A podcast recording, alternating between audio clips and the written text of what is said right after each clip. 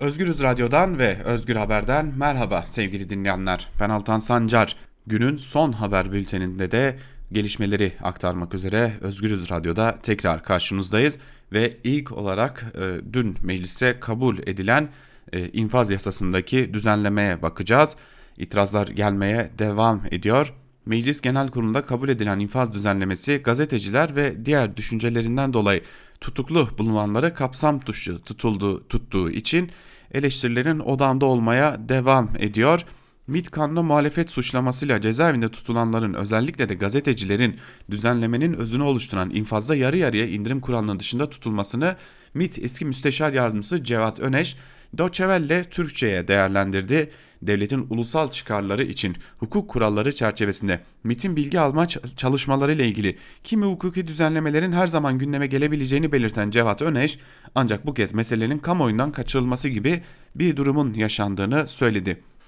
Eski Cumhuriyet Başsavcılarından Ömer Faruk Emin Ağaoğlu'na göre de infaz düzenlemesindeki MIT'e karşı işlenen suçların kapsam dışı bırakılmasında iktidarın gazetecilere baskıyı artırarak hukuk dışı işlerini sürdürme arzusunun rol oynadığını belirtti. Emin Ağaoğlu, iktidar hukuk dışı tüm işlerini MIT yoluyla gerçekleştirdiği için bu işlem aydınlığa kavuşturulmasını, basın yoluyla halkın bilgilendirilmesini önlemek istiyor. Gazetecilerin hukuktan, eşitlikten mahrum bırakılmasının nedeni budur değerlendirmesinde bulundu. Öte yandan gazeteciler de tepkili. Çağdaş Gazeteciler Derneği Başkanı Can Güler Yüz tepkisini gazetecileri cezaevinde tutanlar rüşvetçilere, hırsızlara, gaspçılara, katillere cezaevinden çıkış kapısını açmıştır değerlendirmesinde bulundu. Öte yandan Cumhuriyet Halk Partisi de bu düzenlemeyi e, Anayasa Mahkemesi'ne götürmeye hazırlanıyor.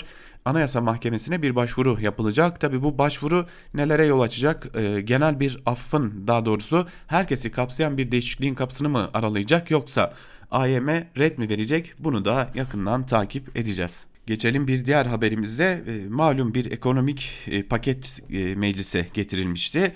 O pakete dair e, düzenlemeler Türkiye Büyük Millet Meclisi'ne getirilecekti. Getirilmeden içindeki bir madde fazlasıyla dikkat çekiciydi. Sosyal medyada kısıtlamalar, engellemeler çok ciddi boyutlara ulaşacaktı. Hatta sosyal medyada kimlik takibi ve sosyal medya kullanıcılarının fişlenmesine dahi yol açacak bir düzenleme e, hazırlanmıştı.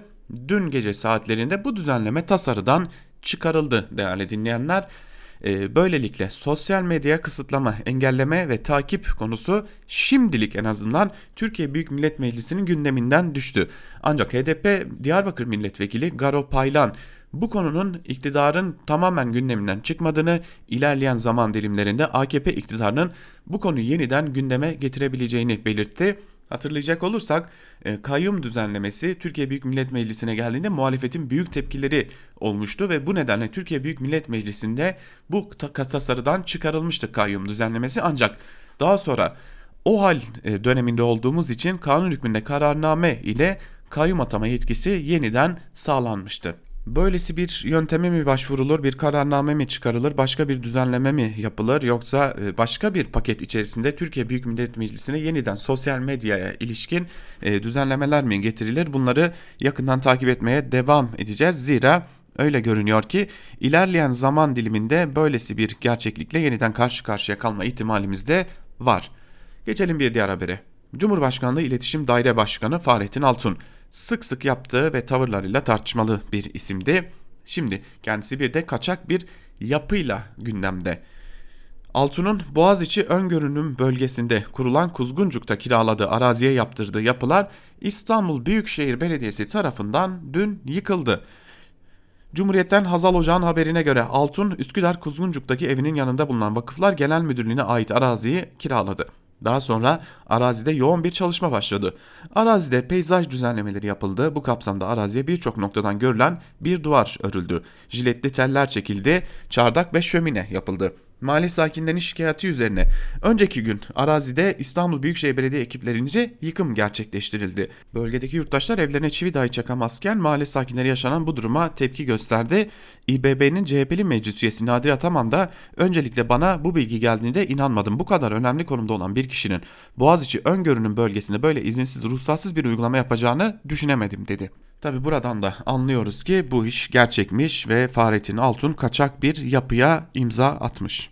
Geçelim bir diğer habere. Ee, bir diğer haberimiz ise koronavirüsle ilgili tanınmış bir ismin can kaybına dair e, Bağımsız Türkiye Partisi yani BTP'nin genel başkanı Haydar Baş tedavi gördüğü hastanede koronavirüs nedeniyle tedavi gördüğü hastanede hayatını kaybetti değerli dinleyenler. Bu arada Haydarbaş Kadiri tarikatının İcmal kolunun lideriydi. Milli Selamet Partisi Trabzon İl Başkanlığı ile başlayan siyasi hayatı lideri olduğu BTP'de muhafazakar Atatürkçü çizgiye e, benzeyen bir hal almıştı. Alevilik da, Alevilikle ilgili açılımlar dahi yaptığını öne sürmüştü. Dikkat çekici bir isimli Haydarbaş, Bağımsız Türkiye Partisi Genel Başkanı Haydarbaş da tedavi gördüğü hastanede koronavirüs nedeniyle hayatını kaybetti. Peki koronavirüs salgınına dair dünyadaki son gelişmeler neler? Onları da sizlerle paylaşalım. Ee, önemli gelişmeler var yine dünya genelinde. Tabi dünyaya bakmadan önce Türkiye'ye dair bir haberi paylaşalım sizlerle. Türk Hava Yolları dış hat seferlerini 20 Mayıs'a kadar durdurdu. Ancak iç hat uçuşları da 20 Nisan 2020 tarihine kadar yapılmayacak. Daha önce ne zaman yapılacağı belli değildi. 1 Mayıs için bilet satışına başlamıştı. Türk Hava Yolları şimdi o tarih 20 Nisan'a çekilmiş gibi görünüyor. Biliyorsunuz Türk Hava Yolları daha önce de 14 büyük şehire yapılan seferleri 3 Nisan tarihinde durdurmuştu. İran'da umut verici gelişmeler var. İran'da hayatını kaybedenlerin sayısı düşmeye devam ediyor. Bir gün içinde koronavirüsten ölenlerin sayısı son bir ayda ilk kez yüzün altında gerçekleşti. İran Sağlık Bakanlığı'ndan yapılan açıklamada ülkede son 24 saat içinde 98 kişinin daha hayatını kaybettiğini, ölü sayısının 4683'e yükseldiğini belirtti. Britanya'da ise ölü sayısının açıklanandan çok daha yüksek olabileceği belirtiliyor. Büyük Britanya'da koronavirüs nedeniyle yaşamını yitirenlerin sayısının açıklanan resmi sayılardan %15 daha fazla olduğu belirtildi. Ulusal İstatistik Dairesi İngiltere ve Galler'de 3 Nisan'a kadar koronavirüs nedeniyle 6235 kişinin hayatını kaybettiğini açıkladı. ONS uzmanlarından Nick Sprite ise bu sayının Ulusal Sağlık Servisi'nin açıkladığı sayıdan %15 daha fazla olabileceğine dikkat çekti. Bunun ağırlıklı olarak da yaşlılardan oluştuğunu aktaralım. Dünya genelindeki tablo ise e, ciddi boyutlara ulaşmış durumda. Koronavirüs nedeniyle yaşamını yitirenlerin sayısı dünya genelinde 120 bini aştı. Fransız haber ajansı AFP'nin ülkelerin resmi verilerinden ve Dünya Sağlık Örgütü'nün verdiği bilgilerden derlediği sayılara göre ölüm vakalarının %70'i Avrupa'da kaydedildi. Buna göre Aralık ayında Çin'de salgının başlamasından bu yana 81.474'ü Avrupa'da olmak üzere dünyada 120.013 kişi hayatını kaybetti. John Hopkins Üniversitesi verilerine göre ise can kaybı 120.450 olarak tespit edildi. Üniversitenin verilerine göre dünya genelindeki vaka sayısı ise 1 milyon 930 bin 780 olarak kaydedilmiş durumda. Rusya'da da vaka sayıları artıyor. Rusya'da yeni vaka sayısı daha önce hiç yapı olmadığı kadar arttı. Kriz merkezinden yapılan açıklamada son 24 saat içinde 2774 yeni vakanın tespit edildiği belirtildi. Bir önceki gün yeni vaka sayısı 2558 olarak kaydedilmişti. Böylelikle test sonucu pozitif çıkanların sayısı 21102'ye yükselirken can kayıplarının sayısı da 22 artarak 170 olarak açıklanmış oldu.